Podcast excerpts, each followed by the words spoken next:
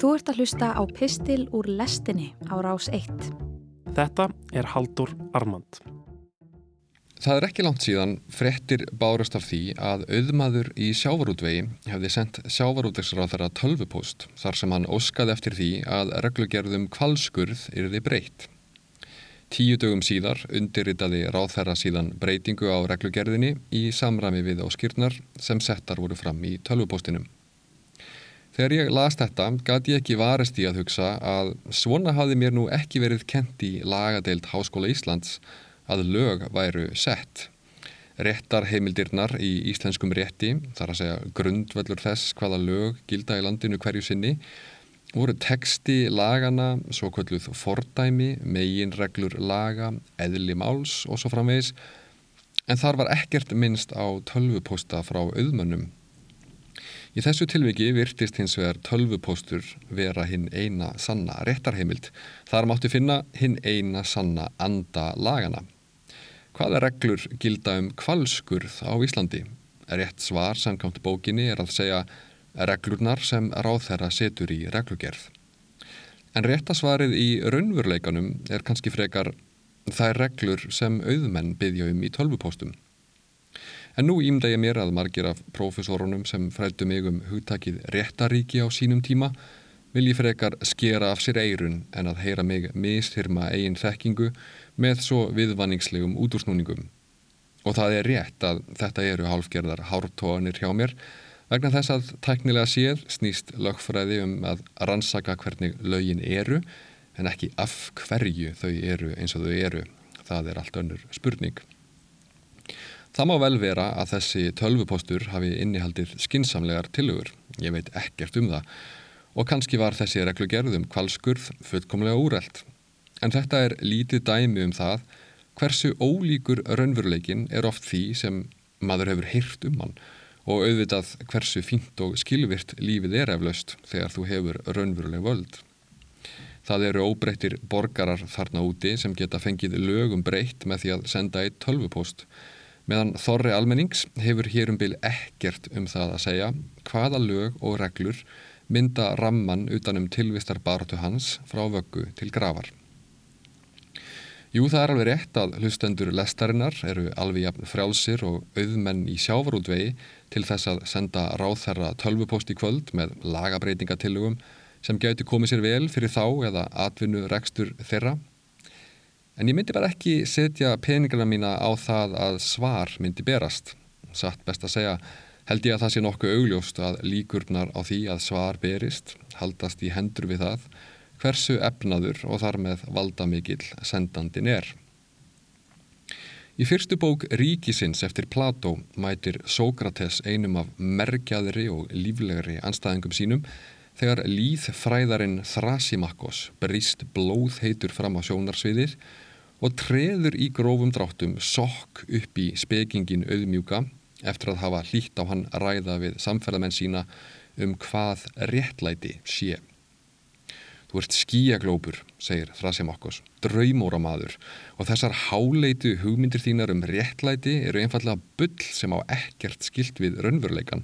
Réttlæti er bara það sem hendar hinn um sterka best.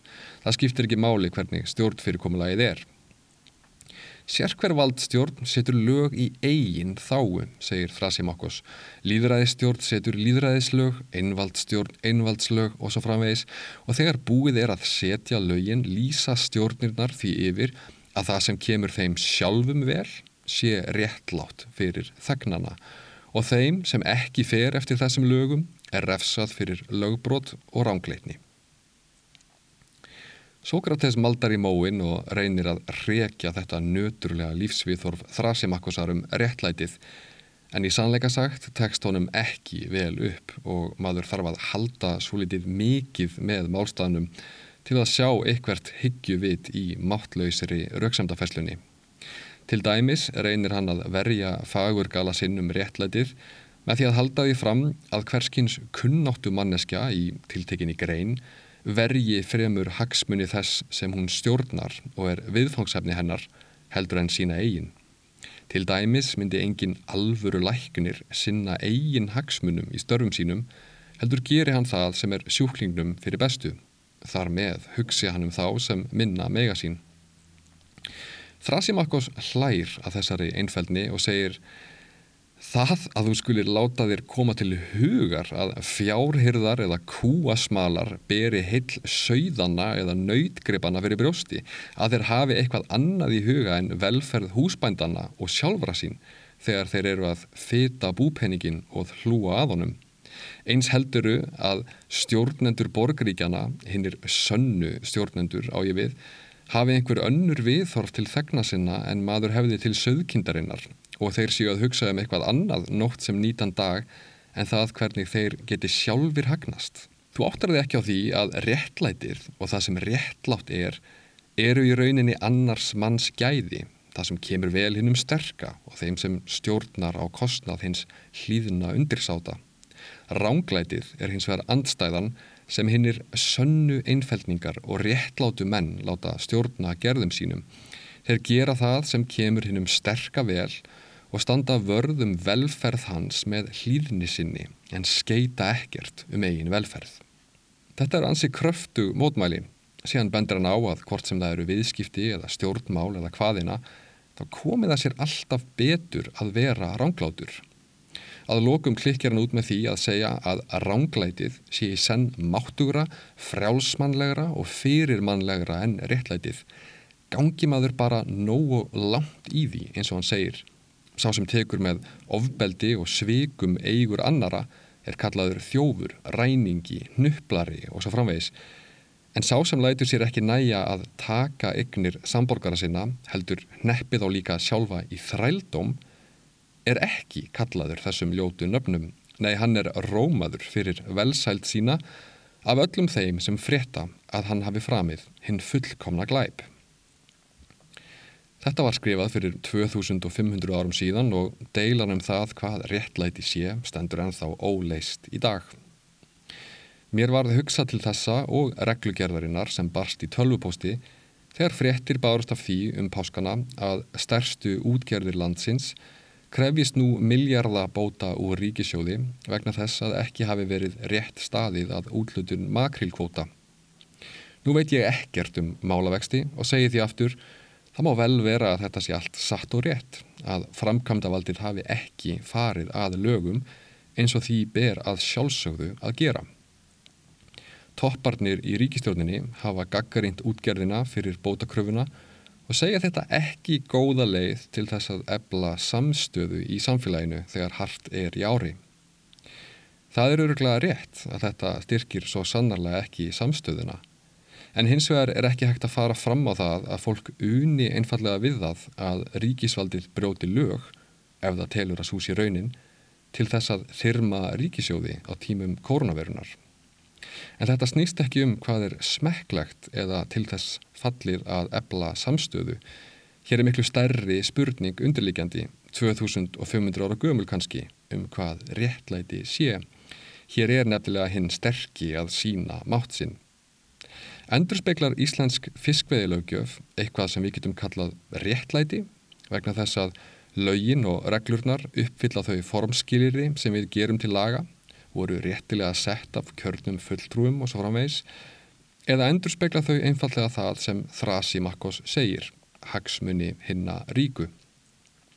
Á setni hluta liðinar aldar var íslensku lagasetningarvaldi beitt í nokkrum skrefum til þess að gefa einstaklingum auðurlind hafsins kringum Ísland til eignar um alla eilíf án endurgjalds. Eitt af megin hlutverkum alþingis í dag er að sjá til þess að þetta fyrirkomulag breytist aldrei. Stærstu og auðugustu útgerðir á Íslandi eiga, mögulega, lögmæta bótakröfu upp á rúmlega 10 miljardar króna á hendur skattgreðendum. Hvað endur speklar slíkur bótaréttur?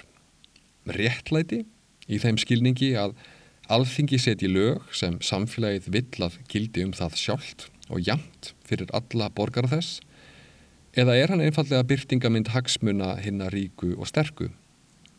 Fari svo að domstólar viðurkenni bótaréttin getur eflaust hvaða einasti lögfræðingur á Íslandi stýji fram og sagt Já, domstólar dæmdi bara eftir lögunum og það er það sem þeir eiga að gera.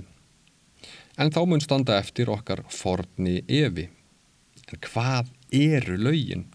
Hvað endur spekla þau? ekki fræðilega, heldur raunverulega. Hvert er hlutverk alþingis? Ekki samkvæmt vísindavefnum, heldur raunverulega. Hvað er réttlæti? Það er merkilegt að hugsa til þess að Ríki Platós, rannsókn hans á réttlætinu, áhrifamesti heimsbyggiteksti allra tíma, var ekki lesið í lagatild. Mér langar að ljúka þessari hugleðingu á orðum franska skáldsins Anatóli Frans sem fætur var árið 1844 um laugin og jafnbretti þeirra. Í öllu sínu stórbrotna jafnbretti banna laugin bæði hinnum ríku og fátæku að sofa undir brú, betla á gödunum og stela brauði.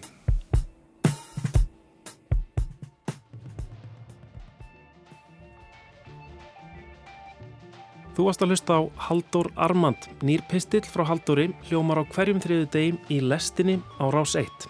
Ef þú fílaðir þennan pistil og vilt heyra meira, getur gerst áskrifandi að lestinni hér í hlaðvarpsappinu þínu. Rás 1 fyrir forveitna.